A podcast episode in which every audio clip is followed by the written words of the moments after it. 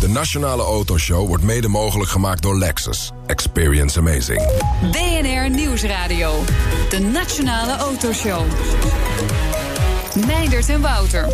Nog een paar weken te gaan en dan opent Fastnet het honderdste snel laadstation voor elektrische auto's. Ja, welkom bij BNR Beurswatch, want uh, daar gaan ze naartoe, uh, Nou, vast, hè? naar de beurs.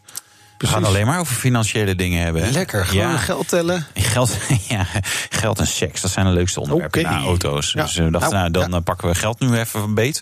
Volgende week over seks. Nou, daar kunnen we het deze week ook prima over hebben. Ja? Oh, Met die. Tesla. Ja, ja. Zelfrijdende- Pornofilm in een zelfrijdende Tesla. Ja, ja, ja. gemaakt. Het heeft eigenlijk nog lang geduurd, Nou, vind je niet? vind ik ook, Dat, eh, ja. dat idee, eh, nou ja, ja, ja. Kennelijk raakten ze er eerder nog niet zo opgewonden van. Welkom een uur lang alles over auto's en mobiliteit. Hier op BNR reageren doe je via Twitter, het BNR Autoshow. Straks in deel 2. Ehm, ja, eh, ALD Automotive, die, eh, die heeft eh, Sternlease gekocht. Dus het Oh. gaat ook weer over geld. Ja. Maar misschien kunnen we er ook een beetje seks in verwerken. Ik hoop het. Dat we- ja, voor de Ik ben heel benieuwd. dat Ja, wordt heel creatief. Maar we hebben ook een nieuwe aflevering van... De dienstauto van. Met wie? Ja, ik hoop een seksster, maar dat zal wel niet. Die hebben we al gehad. Die hebben we al gehad. ja. Pornoster. het. Ja, precies. helemaal van, eh, van de wap. Nou. Nee, ik heb geen idee waar we eh, Oh. een nieuwe aflevering van De dienstauto van hebben. Nou, Dat blijf luisteren dus, als je het wil weten. ja, spannend. Dit is wel een goede tease. Nou. dus daar gaan ze bij BNR op inzetten. Op goede Ja, tease. precies, zo is dat. Dus, Laadpalenbedrijf Fastnet opent binnenkort snel laadstation 100 en gaat, naar verwachting, voor de zomer nog naar de beurs. De gast is Michiel Langezaal, CEO van Fastnet. Welkom, leuk dat je er bent. Ja, dank. Ja, de honderdste, eh, het honderdste snel laadstation. Zijn de, de ballonnen al besteld? Nou ja, de ballonnen zijn besteld. eh, een feestje staat in de maak. Ja, het is natuurlijk een ontzettend mooi moment. We hebben hier heel veel eh, jaren aan gewerkt. En eh, we zijn heel blij waar we staan. En inmiddels eh, ja, eh, 100 stations. Er wordt veel gebruik van gemaakt. Is dat en dat zo? is natuurlijk ook de reden dat we naar de beurs gaan. Want Ja. er moet meer geld bij. Ja. Er moeten meer stations komen. Want er Ja. komen veel meer elektrische auto's de wereld bij. Ja, je praat er wel leuk overheen, maar Ja. mijn vraag was natuurlijk: is dat zo? Wordt er veel gebruik van gemaakt? Want wij hebben toch nog wel de ervaring, en die horen we wel vaker als je dan langs zo'n fastnetstation rijdt. Dan staat er soms iemand, maar vaak ook niemand. Nou, Kijk, het aantal elektrische auto's in Nederland is natuurlijk nog steeds best klein. Hè. We hebben 0,57 procent, als ik het goed zeg, eh, van de auto's in Nederland zijn elektrisch. Eh, maar aan de andere kant zien we het gebruik maand op maand toenemen. Hè. Fastnet groeit eh, Ja. malen sneller dan de markt, ongeveer twee keer zo snel. Eh, met eh 10 procent maand op maand over de afgelopen eh, drie jaar. Ehm, Blijf je dat volhouden, die groei zo? Of mag je dat nu... Ja, nu mag je dat zeggen. Nu mag je alles niet naar nog de beurs. Dus nu kan je gewoon helemaal los eh, gaan op... eh, Nou, nee, kijk, ik bedoel, eh, we zien natuurlijk heel veel elektrische auto's aankomen. Als we kijken gisteren de introductie van de ID3. Ja. ehm, ik Ja. denk dat dat allemaal tekenen zijn. Er komen Volkswagen. veel meer auto's aan en die markt wordt groter. Ja. Ja. Is, het een, is, is het een beetje een lange zit voor jullie? Hè? Want je zei, jullie zijn al een paar jaar bezig. Het is sinds 2012. Zeven jaar dus al. Eh er moet elk jaar geld bij, volgens mij. Nou, kijk, ja, ik denk, ehm, ik, ik zie in de krant bijvoorbeeld eh, afgelopen week dan ook weer bericht: Volkswagen investeert groot Ja. in elektrisch rijden. Ehm, nou ja, maar het zijn allemaal wel beloftes van de toekomst natuurlijk, hè, waar, waar je het over hebt. Uiteraard, en dat geldt ook voor die automakers. Ja, precies. Het is uiteindelijk is het natuurlijk een hele grote industrie. En die ont- ontwikkelt zich op een, op een heel ander tempo dan misschien kleinere industrie of andere industrieën.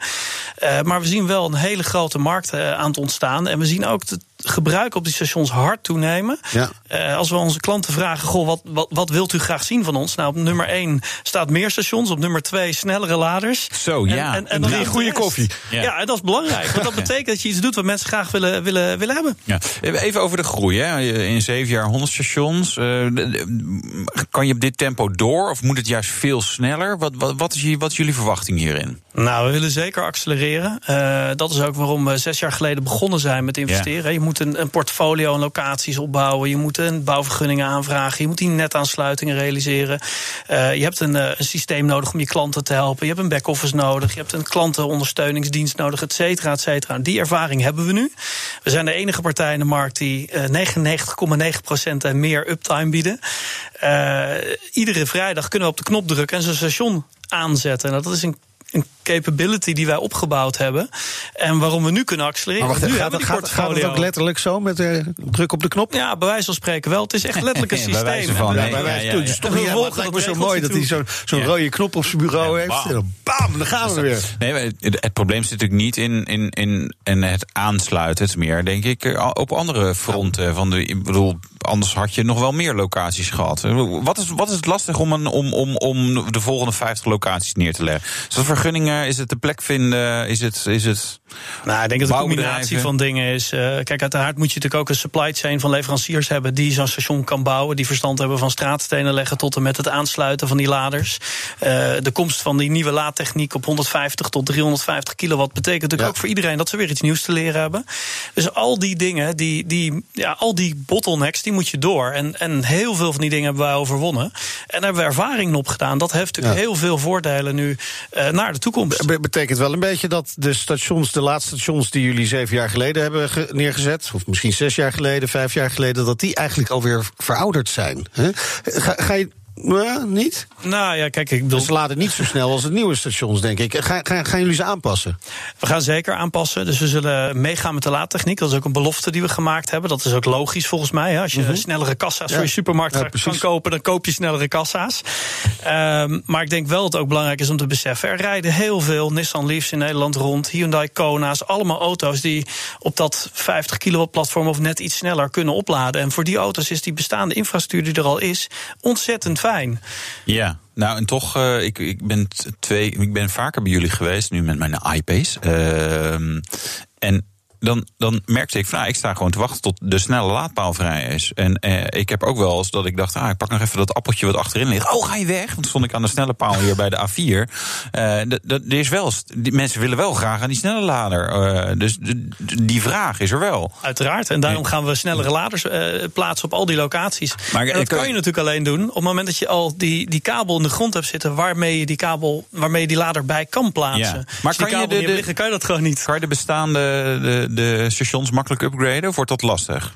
Ja, we hebben op heel veel locaties hebben we grote netaansluitingen liggen. Ja. Dus denk van half tot zelfs 1 megawatt of misschien wel meer. Ja. Ehm, op dat soort plekken kun je gewoon heel makkelijk laders bijplaatsen. Omdat Ja. je geïnvesteerd hebt in een groot terrein waar je een grote netaansluiting hebt. Dus is het echt het idee van een, van een supermarkt die een extra kassa Ja. opent. Nou, ik vond dat ook A4. Ja, ik anekdotes eh te over. Ja, jullie, ik rijd nu elektrisch, eventjes dan. Hè. Eh, gisteren niet. Gisteren had ik zin in de BMW. Maar ehm dan merkte ik ook wel van, nou, eh, A4 hier, dat is best dan druk. Dan zie je dat mensen wel een beetje moeite moeten doen met manoeuvreren. Dus je, je, je hebt zeg maar aan de ene kant plekken waar je ruimte te over hebt... en aan de andere kant plekken waar het eigenlijk alweer te klein is. Dat is ook wel een beetje de, de makker van, van, van exponentiële groei potentieel. Ja, die automarkt die groeit natuurlijk heel hard. Hè. Dus Mhm. Het is een exponentieel groeiende automarkt. Eh, Elektrische auto's meer en meer. Eh, maar het zijn natuurlijk wel, eh, ja, bepaalde regio's groeien iets sneller soms dan, eh, dan, dan het gemiddelde. En dat zien we natuurlijk in de regio Amsterdam zeker. En daar is op dit moment best een tekort aan laadinfrastructuur, ja. Ja, en, en wat gaan jullie daar dan aan doen? Ga je zeggen van nou, we doen er nog eentje zeg maar, op dezelfde plek? Of hoe, hoe ga je dat doen? Ja, we zijn druk bezig met het bouwen van nieuwe stations. En dat zal uiteraard ook capaciteit aan die markt eh, geven. Waardoor er meer mogelijkheden voor autorijders komt om op te laden. Ja, nieuwe stations, naar, naar hoeft, want jullie hebben er nu, eh, eh, wat is het, 80 in Nederland. Hè, dat is de, de, de, basismarkt. 11 in Duitsland en, wauw, één in Groot-Brittannië.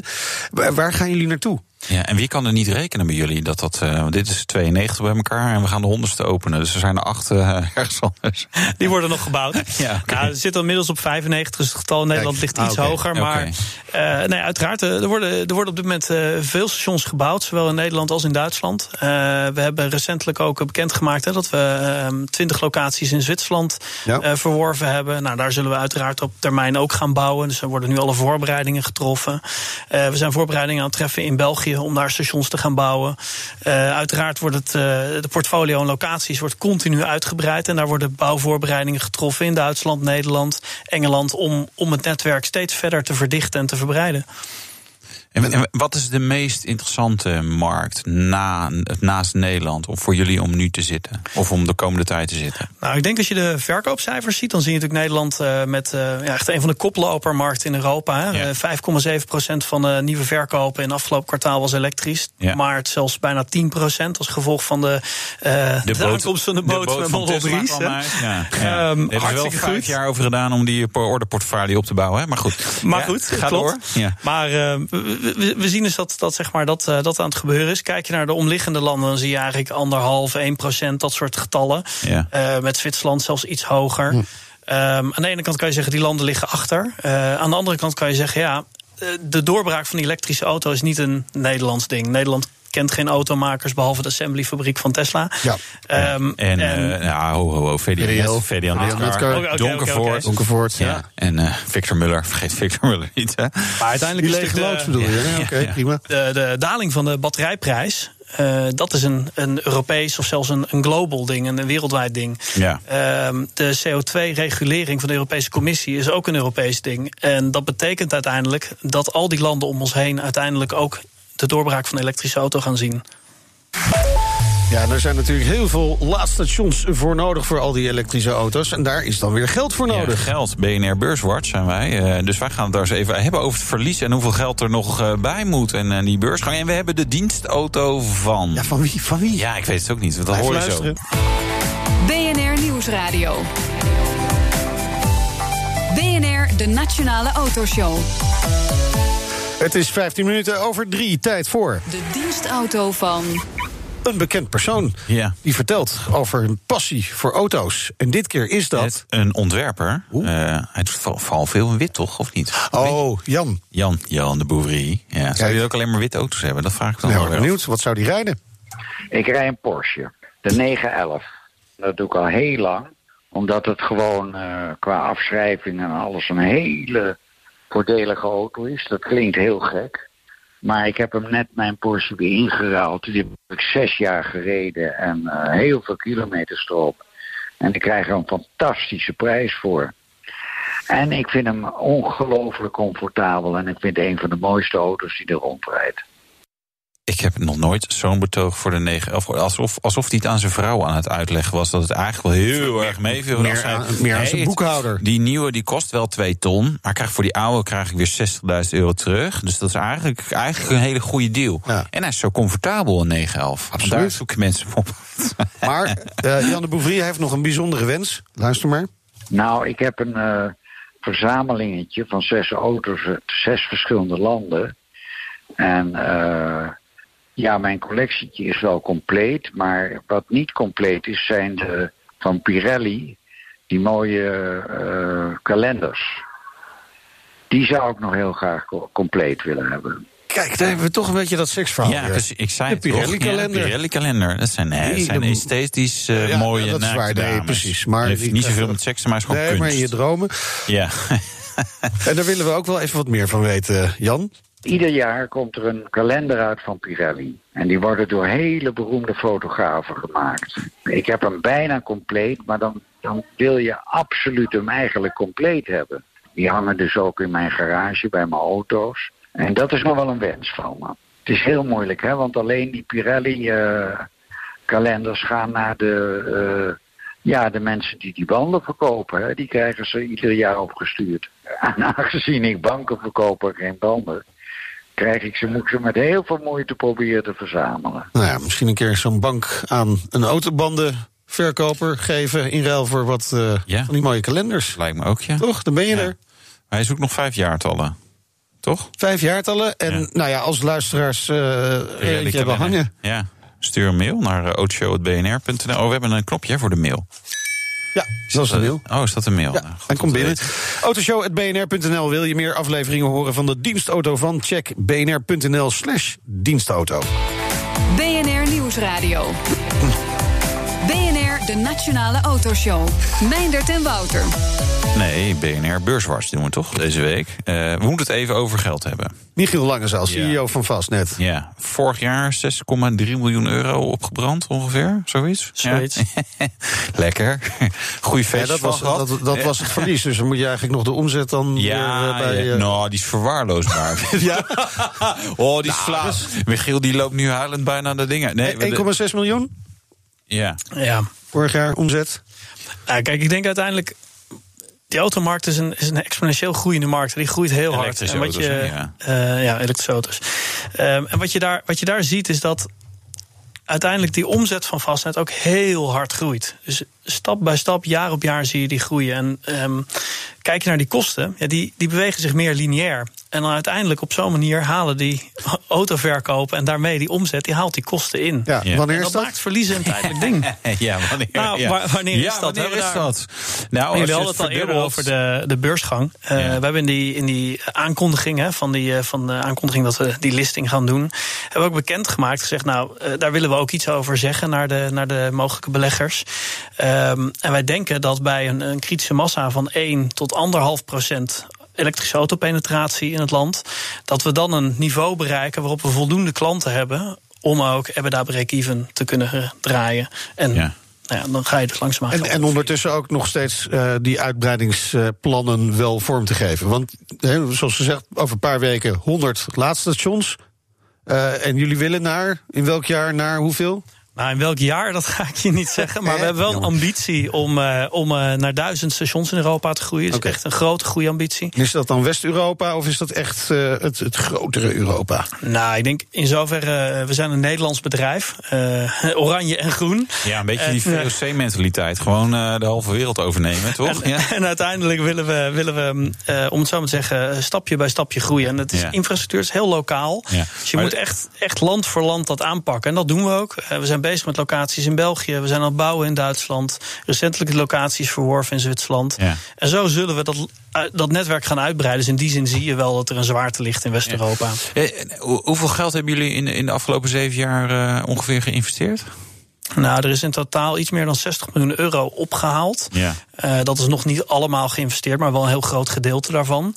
En, ja, als, uh, ja, dat... ja, als het nog niet op was, dan hoef je niet naar de beurs, toch? Of op dit moment? Nou, kijk, die, die beursgang die heeft tot doel uiteindelijk om toegang te krijgen tot, tot meer en grotere investeerders. En waarom doe je dat? Om, om die groei van het netwerk te blijven financieren. En ik denk dat dat heel logisch is. Als je kijkt naar Volkswagen, die, die gisteren bij die introductie van die um, ID3 bekend maakte, zegt: Nou, wij gaan komende jaren 9 miljard investeren in elektrisch rijden, in fabrieken, ontwikkeling. Ja, maar ja, dat, daar er, moet het ergens mee in balans staan. Maar ze zeiden er ook bij: uh, Ionity-netwerk, als je de ID3 bestelt, dan mag je uh, de eerste jaar mag je, mag je gratis laden bij ons eigen netwerk. En dat, ik hoorde daar niet Fastnet en uh, jouw naam. of heb je, ja, of heb je een mooie deal? dus dus die, die concurrentie die komt ook uit die hoek. Tuurlijk, ik denk dat er heel veel meer concurrentie gaat komen. Dat is een gevolg van die markt die groeit. Ja. En het feit dat Fastnet zes jaar geleden begonnen is met investeren, locaties verwerven, vergunningen aanvragen, ja. het organiseren van alle technologie erachter, dat biedt ons nu een unieke positie om elektriciteit te verkopen aan die elektrische auto's die eraan komt. Ja. En nou ja, Ionity gaat bijvoorbeeld ook. Hè. Volgens mij hebben ze een doel van iets van 10 locaties in Nederland. Nou, hartstikke mooi, dat helpt echt. Maar met 10 locaties al die auto's gaan bedienen, dat kan natuurlijk dat, ook niet. Dat gaat nee. natuurlijk niet lukken. Dus ik, ik denk uiteindelijk dat iedereen, al die efforts zijn nodig om die elektrische auto's te bieden. Want uiteindelijk, ja. als je als één automaker 9 miljard gaat investeren in elektrisch rijden.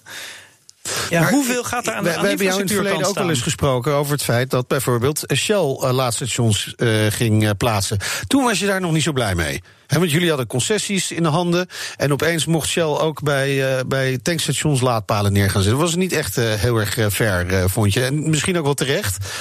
Inmiddels vind je dat allemaal oké? Okay? Nou, kijk, volgens mij moeten we twee dingen scheiden. Eén is als Shell laders neerzet. In het algemeen vind ik dat een hartstikke goed ding. Want dat is nodig. Er moet echt heel veel meer laadinfrastructuur gerealiseerd ja. worden.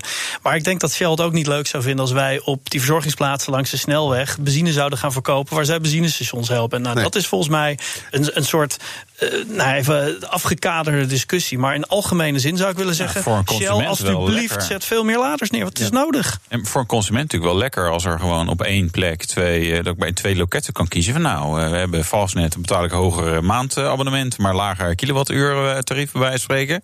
En Shell, ja, moet ik meer betalen bijvoorbeeld. Dat, dat, dat, dat zijn nog twee, ja, de concurrentie. Dat klopt. Ik denk op die manier, als we dat twee of drie benzinestations per, per verzorgingsplaats zouden hebben, zou dat ook in die zin concurrentie helpen. Maar uiteindelijk wat we natuurlijk zien is dat er nu concurrentie tussen die benzinestations is op de diverse verzorgingsplaatsen. Ja. Jullie hebben ongelooflijk ambitieuze plannen, eigenlijk altijd al gehad. Hè. Daar zijn jullie ook wel eens uh, voor gek door verklaard, uh, door die plannen. Maar uh, nou ja, we nemen ook, het... Heel... Ook door ons een keer? Ik, ik zou zomaar kunnen, zou zomaar kunnen. is jullie vergeven. Is jullie vergeven. het is nog steeds eerst zien dan geloven. Maar jullie hebben grote plannen, daar is veel geld voor nodig. Nou, beursgang kan daarbij helpen. Hoeveel geld hebben jullie nodig? Nou, daar hebben we ook iets bekend over gemaakt. We hebben gezegd, we willen in ieder geval uh, uh, drie tot zes laadstations per maand gaan bouwen. We hebben gekeken naar die portefeuille en locaties die we hebben, de mogelijkheid die we hebben om te bouwen. kost, wat is het? Station kost een uh, orde grote half miljoen. Nou, Dan heb je dus enkele miljoenen per maand nodig om te gaan bouwen. Nou, dat geeft je een indruk dat we ieder jaar een, een, een ja, ja, uh, nou ja maar tientallen miljoenen nodig je hebben. Wil, je wil naar uh, duizend laadstations zijn. Dus dan moeten er nog 900 gaan. Maal een half miljoen. Dus 450 miljoen. Half miljard. Nou, wie, uh, welke miljardair maakt ons los? Nee, nou, ik denk dat daar het verschil dat is tussen doelen, zeg maar, die, ja. die je heel haalbaar acht op basis van je data vandaag. En een ambitie waar je heel hard aan werkt. Ja, want analisten van ING zeggen in een rapport dat Fastnet de komende jaren 160 miljoen euro nodig heeft.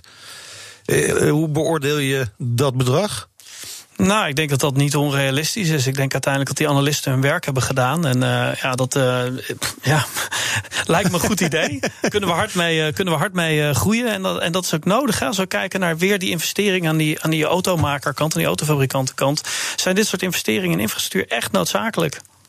Ja, en, en waarom ik wat net een Volkswagen, die, die zei Ionity-netwerk een beetje om jou te plagen natuurlijk. Maar um, waarom hebben jullie nog geen samenwerkingsverband met uh, een autofabrikant zou, of, of een, een, consortium van? Dat zou wel interessant zijn.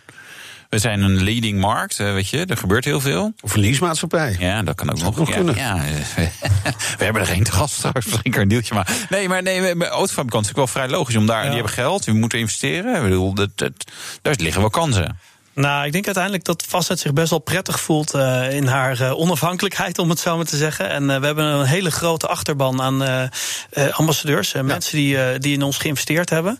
En die die missie die er op dit moment is, namelijk het bouwen van een netwerk en de manier waarop we dat doen, een heel goed idee vinden. En ik denk dat de inmenging van een, van een automaker en de mogelijke gevolgen daarvan helemaal niet per definitie zo goed is. Dus ja, in die zin, we zijn eigenlijk best wel blij met de onafhankelijkheid die we hebben. Nou, dat is fijn dan. Hè? Over, over, over de toekomst van, van elektrisch laden en de prijs dan met name. Hè? Want nu is het echt nog wel behoorlijk goedkoop om uh, te, te, te, laden. Zeker ten, uh, als je het vergelijkt met uh, benzine of diesel. Maar als het een schaars goed gaat worden, hè, als, als het echt inderdaad heel veel elektrische auto's komen, batterij-elektrische auto's. En er is schaarste, ja, dan gaat die prijs waarschijnlijk omhoog. Klopt dat? Nou, kijk, ik denk dat dat niet de ambitie is van Fastnet. De ambitie is dat wij uh, doorgaan en dat we, dat we groeien en dat mensen, dat er infrastructuur is en dat we ons best doen om aan die capaciteitsvraag ja. te voldoen. Hè? Want wat betaal je nu bij Fastnet? Ja, je betaalt 59 cent per kilowattuur ja. of 35 cent als je een abonnement hebt. Hè? Dus je, je hebt twee opties om het zo te zeggen. Een abonnement kost? Uh, 12 euro per maand uit mijn hoofd. Okay. Ja. Ik zal het zo even checken op de website. Wordt geknikt. Ja, er wordt geknikt. Er wordt geknikt. Heel goed. Waarschijnlijk is het 11,99 euro. Ja, exact. exact. Maar uiteindelijk is, ik, ik denk uiteindelijk als je daar naar kijkt, hè, dat die vraag naar capaciteit die gaat groeien. En daar moet gewoon heel veel, voor, heel veel meer infrastructuur voor gerealiseerd worden. Want uiteindelijk willen we natuurlijk niet in de situatie komen dat er wachtrijen komen, et cetera. Dat moeten we gewoon niet willen. Ja. Amsterdam heeft een plan om de, stad elektrisch te maken. Ja. Zij wil daarom ook veel meer laadinfrastructuur realiseren. Ja, maar de, de, de, dan moet je ook wel echt wel heel erg uh, gaan opschalen. Uh, en, en als er straks een klap uh, zeg maar, komt aan elektrische auto's die erbij komt... dan moet je eigenlijk nu al veel sneller kunnen, kunnen gaan realiseren. Dus dat geld moet ook wel heel snel binnenkomen feitelijk. Ja. Ja. Dus vol even voor de beursgang. Wouter, het is inderdaad 11,99 per maand. Ik heb het nog even gecheckt. En dan betaal je 35 uh, eurocent per kilowattuur. Nou, ik zie het, ja. Maar je kunt ook member zijn en betaal je niks, maar dan heb je gewoon een normale prijs. Ja. Ook leuk. Maar ik, ja. nee, misschien, misschien speel je dan een soort airmiles, zo, een soort punten. Wat, wat, wat uh, Michiel, tot slot, wat wordt jullie grootste uitdaging de komende tijd? Nou, ik denk een hele grote uitdaging is eh, heel veel meer hele leuke en hele goede mensen vinden om het team uit te breiden. Uh, niet alleen in Nederland, maar vooral ook in uh, Duitsland, Engeland, België, Frankrijk, Zwitserland, noem het maar op. Dus we zijn heel erg op zoek naar hele goede mensen. Uh, en wat moeten ze kunnen? Nou, denk aan, aan architecten die locaties ontwerpen. mensen die verstand hebben van de techniek hè, om, om het locatienetwerk te, te onderhouden. dus daar zijn we heel druk mee bezig. En, en dat, ja, dat, dat gaat voorspoedig, dus dat is ook heel leuk. Heel veel succes daarmee. En uh, we zien uit naar de beursgang van Fastnet. Dankjewel voor je komst naar de studio, Michiel Langezaal, CEO van Fastnet. En zometeen ALD Automotive. En uh, we hebben een rijimpressie, denk ik. Ze hebben Sternlease overgenomen. Oh, we gaan door met BNR Beurswart. Wat leuk. En uh, je hoort die rijimpressie met uh, de Mercedes AMG A35. Niks elektrisch aan. Zo is dat. Ding. BNR Nieuwsradio. De Nationale Autoshow. Meindert en Wouter. Ja, we mogen het eindelijk hardop zeggen, Wouter. ALD Automotive Nederland heeft Sternlease overgenomen. Ja, welkom bij BNR Beurswars. Dan gaan we het weer over geld hebben. Uh, er komen er wel een heleboel auto's bij natuurlijk. Ja. En uh, strategische samenwerking. Het is eigenlijk ook wel interessant te weten... waarom zou Stern daar dan vanaf willen? Het is toch handig om je eigen leasemaatschappij te hebben. Ja, ja. Ik snap wel waarom het ALD het wil hebben, maar goed. Uh, Ze deden heel veel in Stern, in Mercedes. Mercedes, ja. Stern. Het is niet heel toevallig dat jij met de Mercedes AMG A35 reed? Uh, nee, ja, dat is wel toevallig, want die rijimpressie is echt van al een tijdje geleden. Ja, ja, nee. Uh, de nieuwe instapper in de wereld die AMG heet. Dat heet het feitelijk. Instapper? Ja, instapper. ja. Nee, kleinste uh, Mercedes. Ja. minst sterke AMG-model. Oké. Okay. Wat nu te koop is nieuw. Er zijn wel slapperen geweest in het verleden. Ja. Maar uh, dit, ja, dit is een instappertje. Oké, okay, oké. Okay. Ja. Lekker. Ja. Toch? Ja, ja, is, ja is redelijk. Nou, reageren kan ook. Ja. Via Twitter. Het BNR Autoshow. ALD Automotive Nederland neemt Sternlease definitief over. De gast is Jeroen Kruisweg, algemeen directeur van ALD Automotive Nederland. Welkom. Ja, dankjewel. Leuk dat je er bent.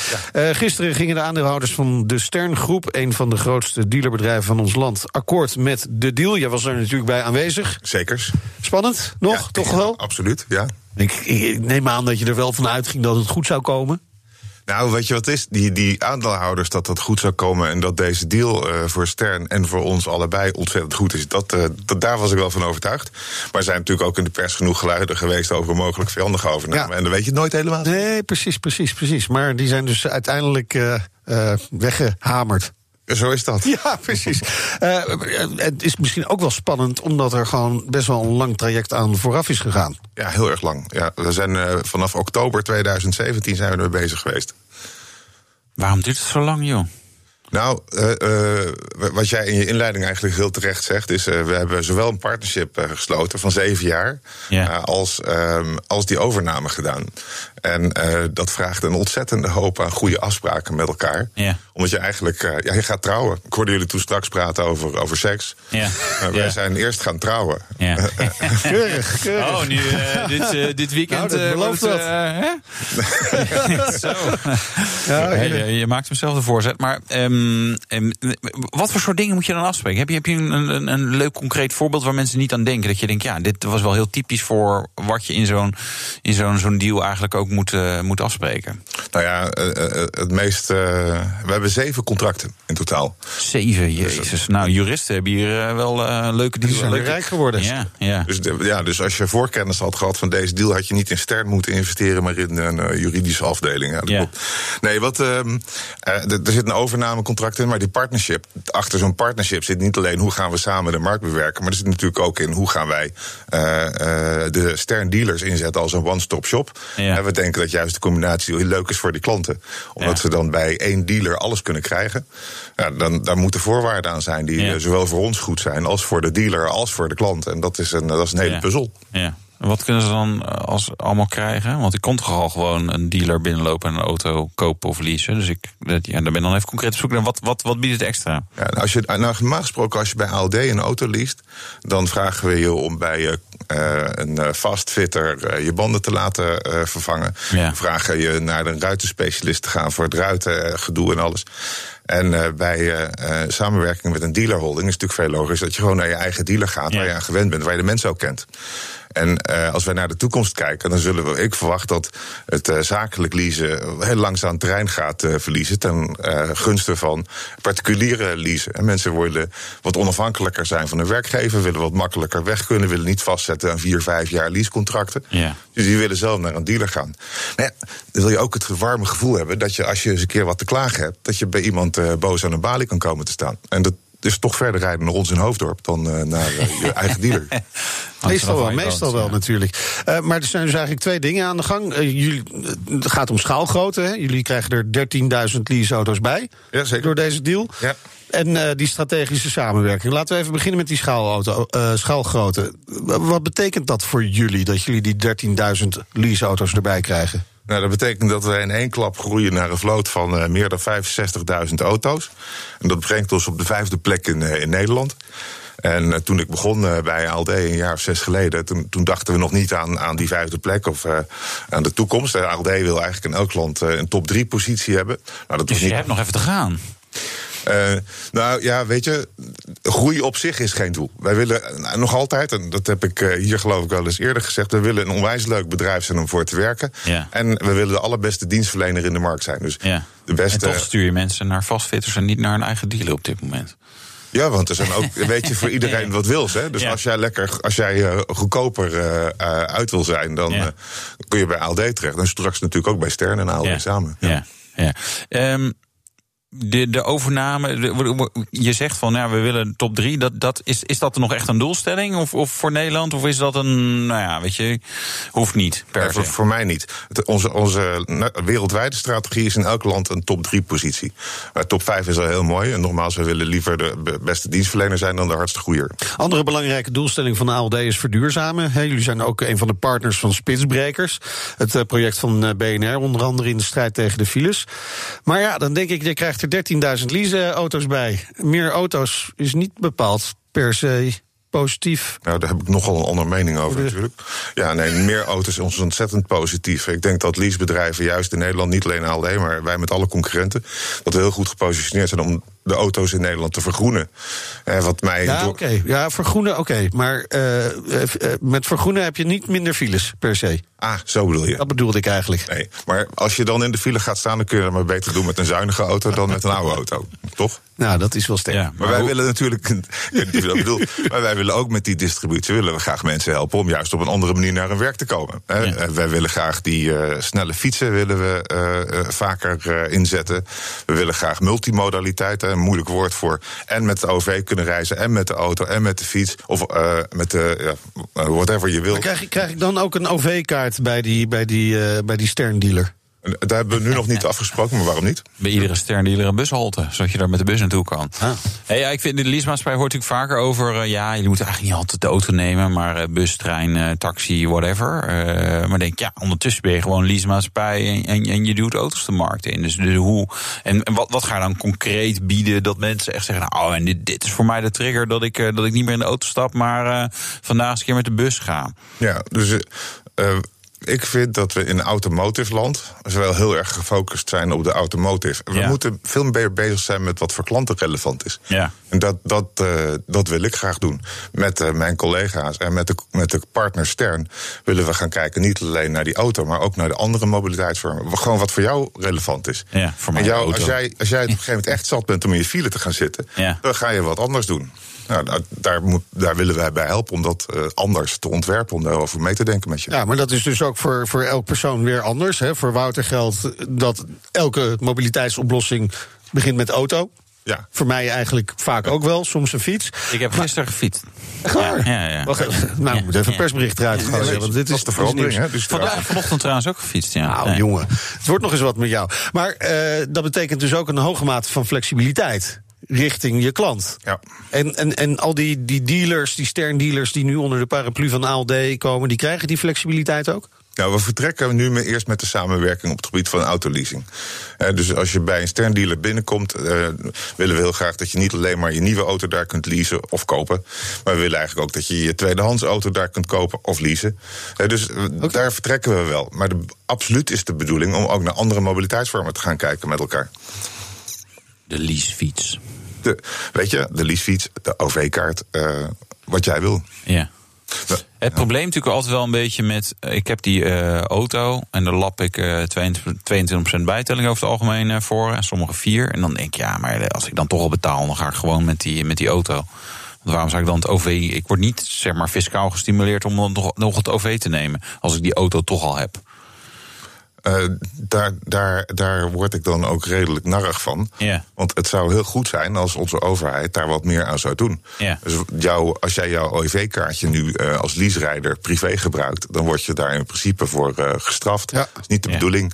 Daar moeten we vanaf van dat soort gekkigheid. Ja, maar, en, en mijn, maar ik moet ook gestimuleerd worden van, joh, laat die lease eens een keer staan. Dus als ik dan bij wijze van spreken met over openbaar vervoer ga, dat er dan een procentje bijtelling afgaat aan het eind van de maand. Of zeg ik dan iets heel geks? Dat vind ik eigenlijk wel een goed idee. Ja, ah, doen we Maar, dat. maar dan we moeten we, ja, er wordt wel complex hoor. Want dan moeten we ook gaan zorgen dat eh, je vrouw dan niet in je auto stapt om de boodschappen te gaan doen. hè. Ik vond het leuker toen je zei, ik vond het een goed idee. Ik ook, ja. Laten we het daar gewoon bij houden. Zometeen praten we nog door eh, over de overname van Sternlease... en de discussie over data in auto's. Want ja, die light op, Oh hè. ja, dat is ook wel zo'n een computer. sexy onderwerp. En, En je gelukkig, hoort de rijimpressie. ja, Precies, in gelukkig. een In een AMG A35. Lekker hoor. BNR Nieuwsradio. De Nationale Autoshow. Kwart voor vier, tijd voor de rijimpressie. De rijimpressie. Ja, Wouter test de Mercedes AMG A35. En we beginnen met lekker wat plofjes. Sexy plofjes uit die uitlaat.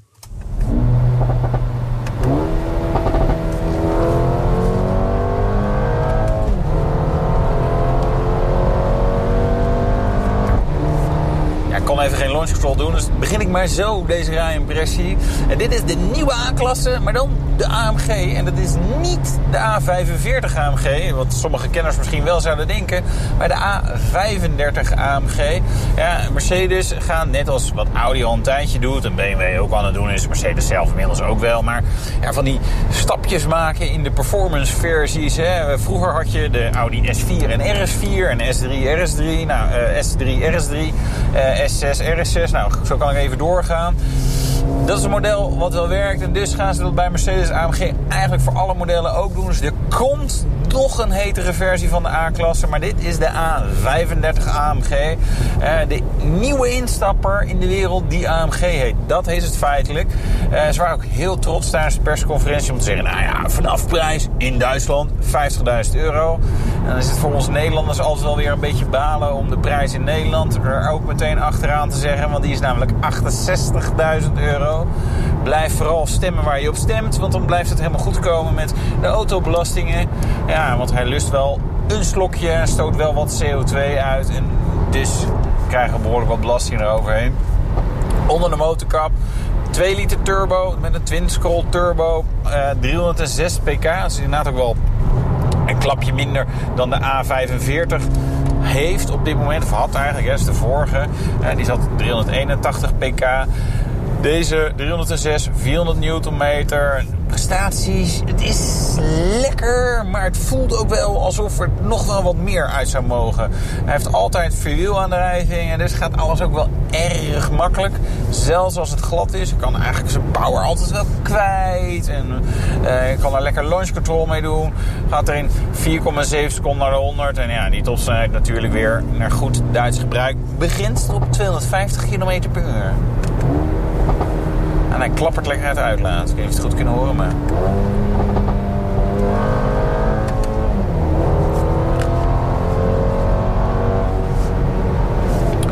Maar hij heeft dus standaard Formatic vierwielaandrijving.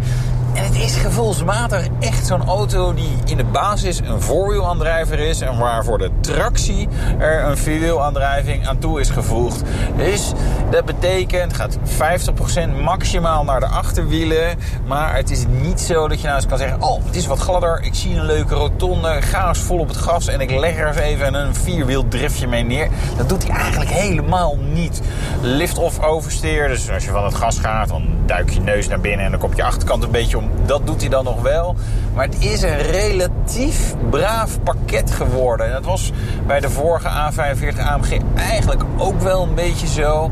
Je het gevoel hebt van, goh, voor de echte fanatieke bestuurder zou die ietsje rauwer randje mogen hebben. Gewoon ietsje meer speels mogen zijn. Dit is wel uh, ja, vooral veilig. Voor iedereen veilig. Nou, dat heeft natuurlijk zo zijn voordelen. Maar ja, voor mij persoonlijk had hij ja, wel eventjes ietsje meer mogen doen. Uh, gewoon op het gas. Ja, de Mercedes AMG A35. Te braaf, dus eigenlijk. Ja. Ja. Ja. Ja, ik denk voor heel veel mensen die vinden dat helemaal prima. Maar ik dacht. Ja, ook mensen die AMG willen hebben? Ja, Die heel veel mensen. Nee, ik, bedoel, moet ook reëel zijn. Heel veel mensen die vinden gewoon leuk. Vinden zo'n auto mooi. Vinden het gaaf om te kunnen roepen dat het een AMG is. Of een S-model, of een RS of een M-model. En gaan er misschien wel nooit vol gas mee. Of alleen maar rechtdoor vol gas mee. En nou, dat doet hij dan prima. Dus wij gaan voor de A45, de nieuwe? Ja, ja, ja, ik denk dat die hetzelfde karakter gaat krijgen. Dat dat toch niet zo speels is. Dus maar die gaat wel wat meer vermogen krijgen. Ja, die komt er dan eh, in een normale en in een S-versie is een beetje verwachting. 380 en 420 pk. Maar we weten het nog niet 100% zeker. Maar zoiets komt er wel. Ja, dat is, erg- dat is leuk. Ik bedoel, meer pk is altijd beter. Komen we bij het eindoordeel. Deze auto koop ik direct van mijn winst op bitcoins. Heb je ze nog steeds? Nee, ik heb nooit Bitcoin gehad ook. Dus dat is eigenlijk een, mededeling. Deze koop ik niet. Nee, ik vind een hele mooie, hele fijne auto. Maar ja, hij, eh, hij zou Je koopt hem, je mogelijk. koopt hem niet. Ik koop hem niet. Om vier uur is het tijd voor een nieuwe Friday Move. Wilfred Gené.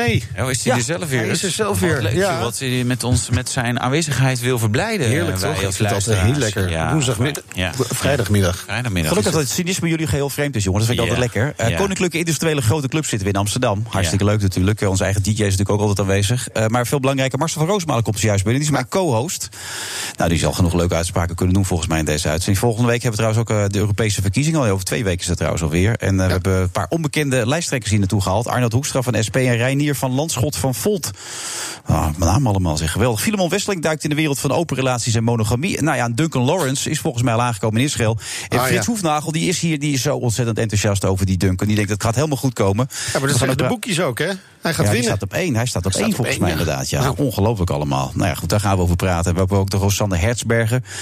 Die was hier trouwens van de week nog eh, met 4, 5 mei. En ze heeft een boek geschreven, daar praat ze hem over. En ze blijft ook nog columnist te zijn en kent eh, Marcel heel goed. Dus ja, dat wordt één grote reunie hier in deze uitzending van The Friday Move. Heerlijk zeg. Nou, het is heel vol al daar, geloof ik.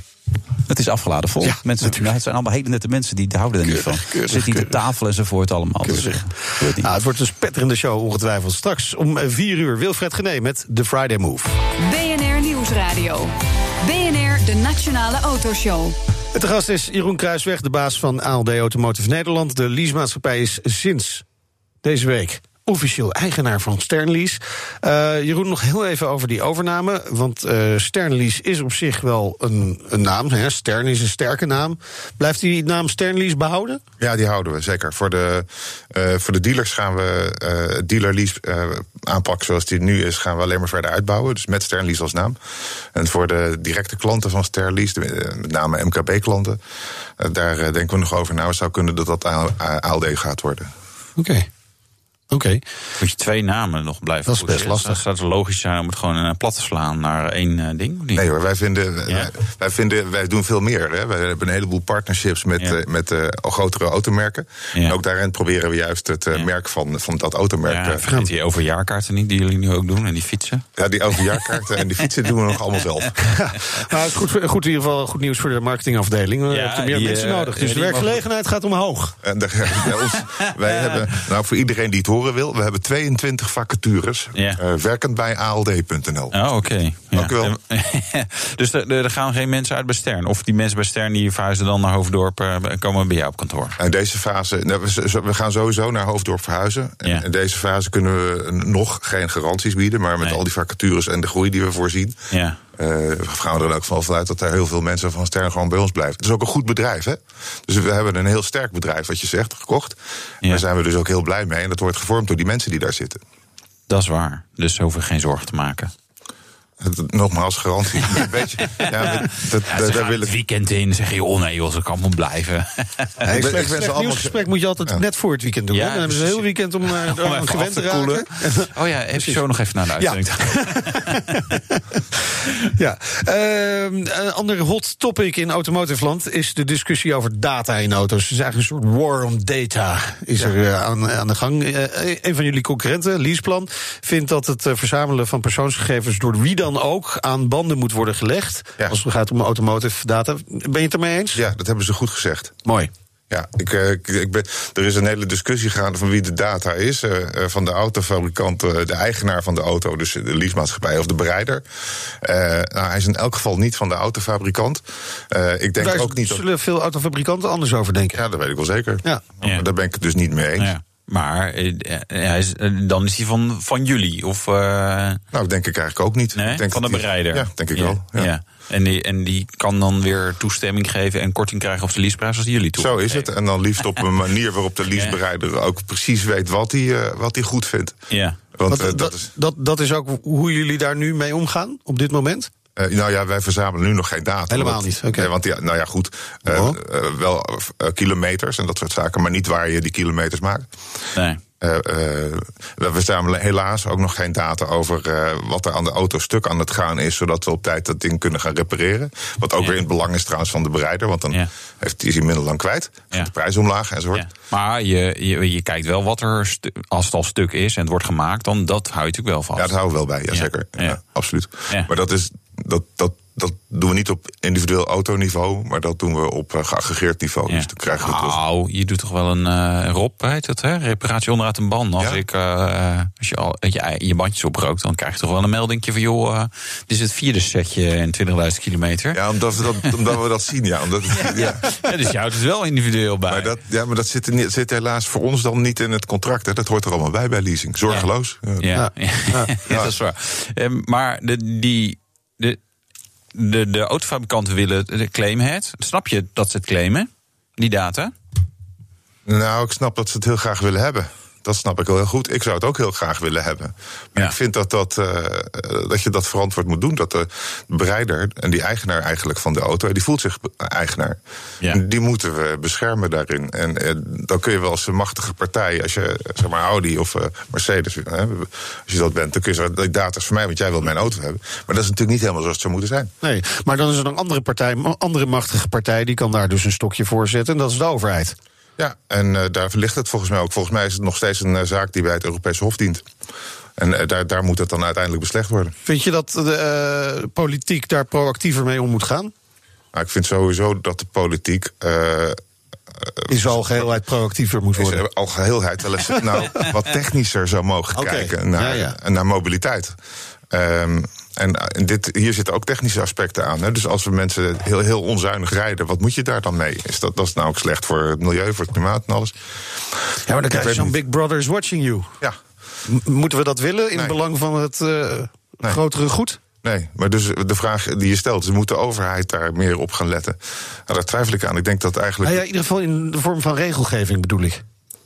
Ja, maar ik denk dus dat het goed is. Voordat het te laat is, dat ze ook die autofabrikanten aan banden leggen op dat gebied. Ja, je wil nee van horen. Ik vind dat, zou ik het zeggen, ik vind ja dat zijn. de overheid het eigenlijk niet moet doen. Ik vind dat de marktpartijen dat moeten doen. AWB, Consumentenbond, die moeten zich hiermee bezighouden om de consumentenbelangen hierin te verdedigen. Dankjewel voor je komst naar de studio. Jeroen Kruisweg, directeur van ALD Automotive Nederland. Dit was de Nationale Autoshow voor deze week. Terugluisteren kan via de site, de app, iTunes of Spotify. Ja. Wat een mogelijkheden, hè? Nou, Zo flexibel. Het is waanzinnig, hè? Uh, mijn naam is Wouter Karsen en jij was ook weer? Meindert Schut. Oké, okay, tot volgende Even onthouden, Wouter. Ja, ik probeer het. Dankjewel.